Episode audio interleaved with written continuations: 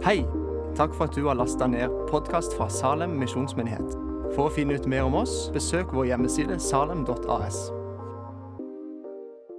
Ja, mitt navn er altså da Johannes, og det temaet som jeg skal tale om i dag, det er en disippel gjør disipler. Og hvis du tenker at jeg har missa på temaet, og at det var det Wilhelm snakka om forrige søndag òg, så eh, er det faktisk sånn at vi har delt det i to, for det er så mye bra å si om det. Eh, så er det litt vanskelig å hoppe etter Wirkola og si noe om det etter Wilhelm, men eh, det er jo noen år mellom Wilhelm og meg, så det kan hende at vi har noen forskjellige perspektiver på ting, da.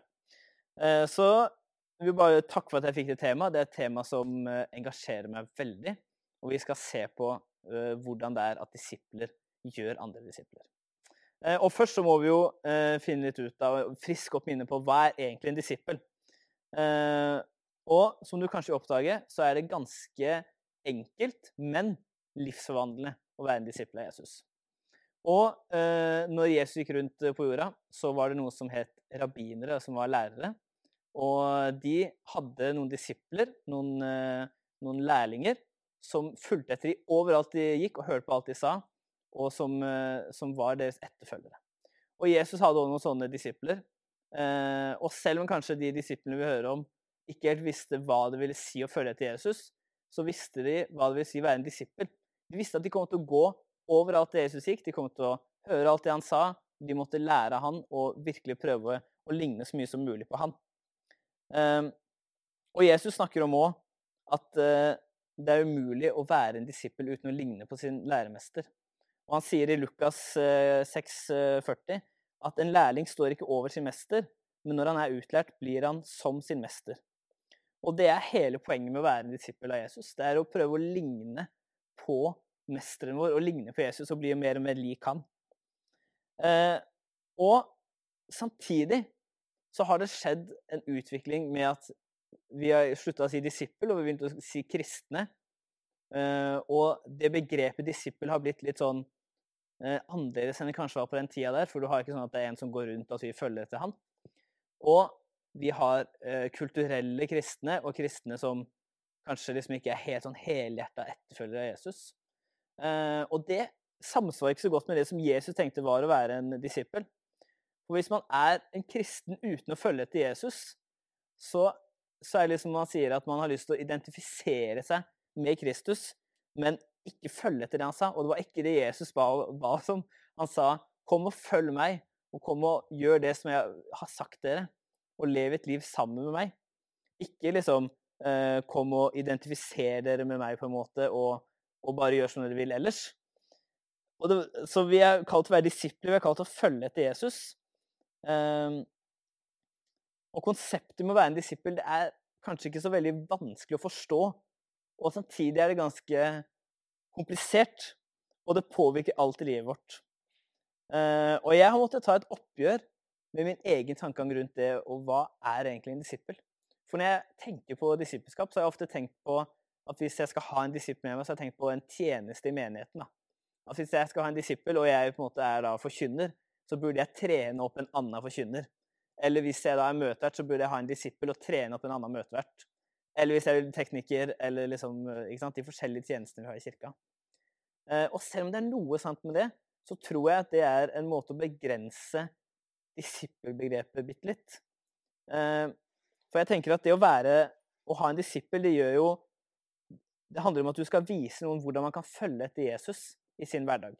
Så litt satt på spissen, da, og det er jo kanskje min jobb som ungdomspastor å sette ting litt på spissen Hvis jeg på en måte må velge mellom at jeg skal ha en som eh, skal trene opp eh, en av ungdommene som vi har i ungdomsarbeidet, til å lede møte, eller en som har lyst til å snakke om hvordan følger jeg etter Jesus på jobb, så mener jeg at det er veldig mye bedre å ha en som tenker at disippelskap er å lære noen hvordan det er å følge Jesus i hverdagen eller i, i et kjæresteforhold eller, eller, når det er tro og er vanskelig og sånn.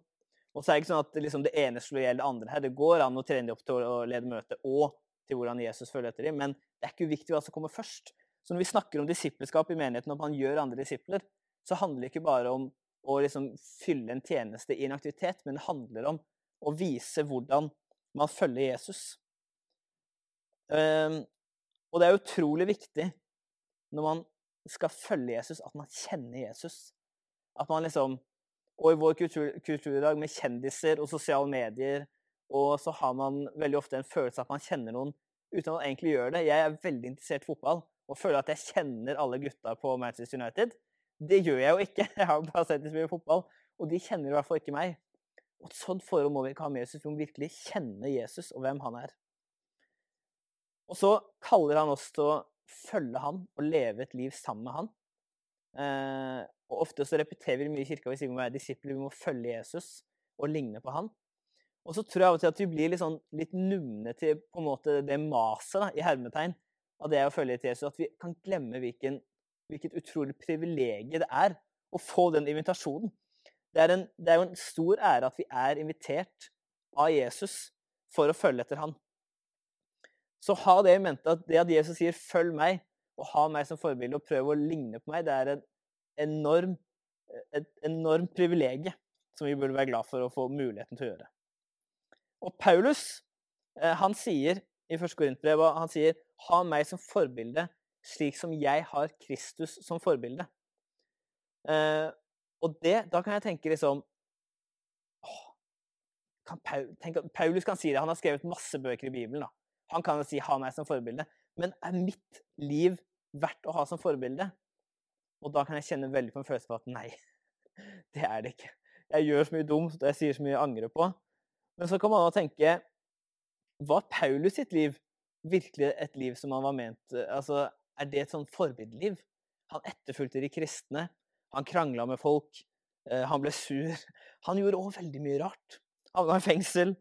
Men han er likevel frimodig på ha meg som forbilde, sånn som jeg har Kristus som forbilde. Og på grunnteksten så kan man oversette ordet med 'etterlign meg sånn som jeg etterligner Kristus'.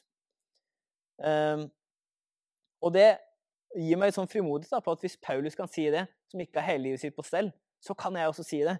Det er deler i mitt liv hvor jeg sier til noen her kan du ha meg som forbilde for hvordan du skal følge til Jesus der du er. Um, og når vi skal ha noe som forbilde og følge etter Jesus, en, del, en viktig del av det å følge etter Jesus, det er å gjøre disipler. Jesus hadde disipler, og hvis vi skal ligne på Jesus, så burde vi også ha våre disipler.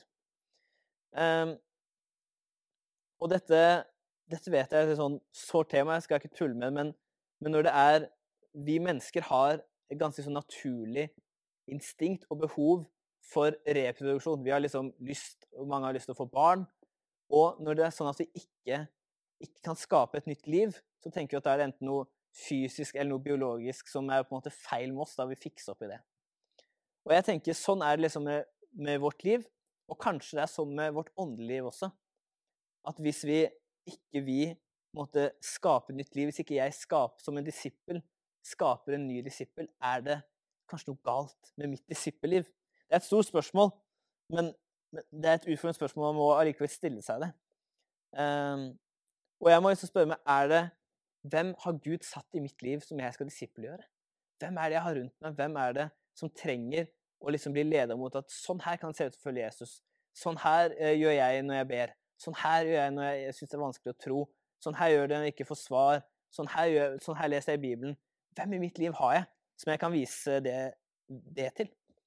Og I misjonsbefalingen så sier Jesus det 'gå ut og gjør alle folkeslag til mine disipler'. Han sier ikke bare at vi skal gjøre det til, eh, til konvertitter eller bare til kristne, han sier 'gjør det til mine disipler'. Og hvordan kan du liksom ha en disippel? Hvordan ser det ut? Um, og det trenger ikke nødvendigvis å se ut som at du må ha noen skikkelig nært og ha de på eh, middag eh, tre ganger i uka og snakke med dem hver eneste dag og ringe dem hele tida. Men det kan se ut som, som jeg snakka om i intervjuet òg, at kanskje du spiller en litt mindre rolle. Kanskje du kommer med noen gode råd. Kanskje du har én god samtale med at det er med å disiplegjøre noen. Men eh, jeg tenker at det er, det er utrolig viktig å søke Gud og tenke hvem har jeg rundt meg, og hvem kan jeg være med å disiplere? Kanskje Gud eh, legger noen på hjertet ditt som ikke du kjenner så godt. Og så sånn, Da må jeg bli bedre kjent med de, og så tror jeg at Gud vil at jeg skal disippelgjøre disse. Eller kanskje det kan være noe du har kjent i veldig mange år, men det er liksom relasjonen din det har ikke vært helt sånn. da. Og kanskje Gud har lyst til å bruke deg og plassert deg der du er, og i den menneskets liv for at du skal disiplere de og vise de mer av hvordan det kan se ut å følge Jesus i 2020.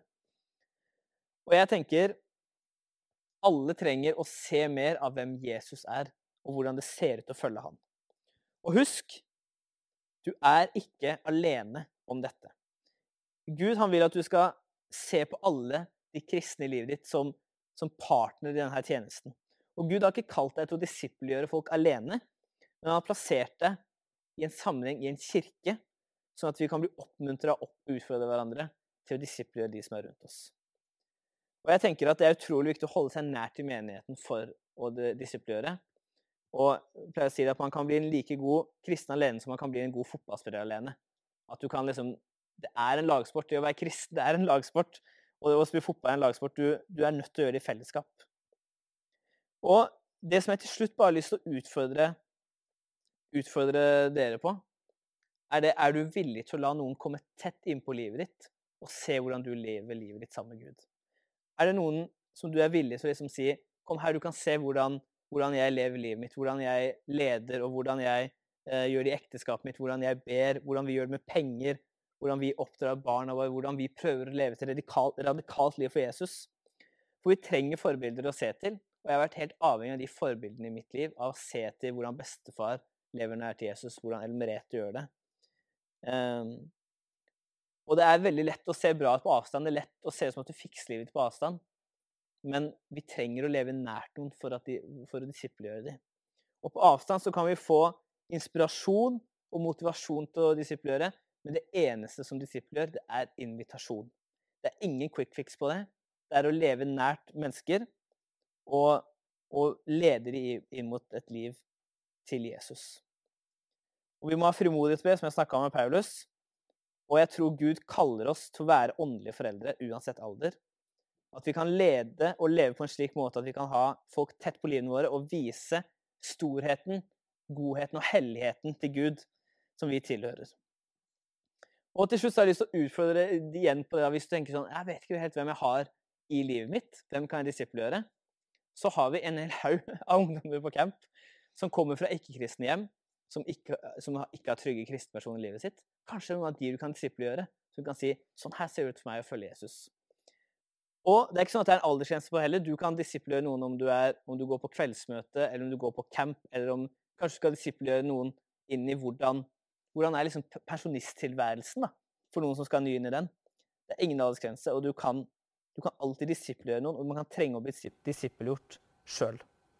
Og hvis du bare disipler én person, så kan du utgjøre en enorm forskjell. Som f.eks. for min bestefar, som en, en person har disippelgjort, så har han disippelgjort hele sin familie. da. Så du kan tenke at Hvis du bare klarer å disippelgjøre én og ha én nært på livet ditt, kan du gjøre en enorm forskjell for mennesker rundt deg og inn i evigheten. Så utfordrer jeg på det. Våg å ha noen nær livet ditt og si jeg kan være et forbilde her. jeg kan, Du ser til meg hvordan jeg har, har Kristus som forbilde. Og tør å ha noen inn, i livet ditt som du viser sånn her ser det ut å leve sammen med Jesus. Jeg skal lyse velsignelsen helt til slutt. Herren velsigne deg og bevare deg.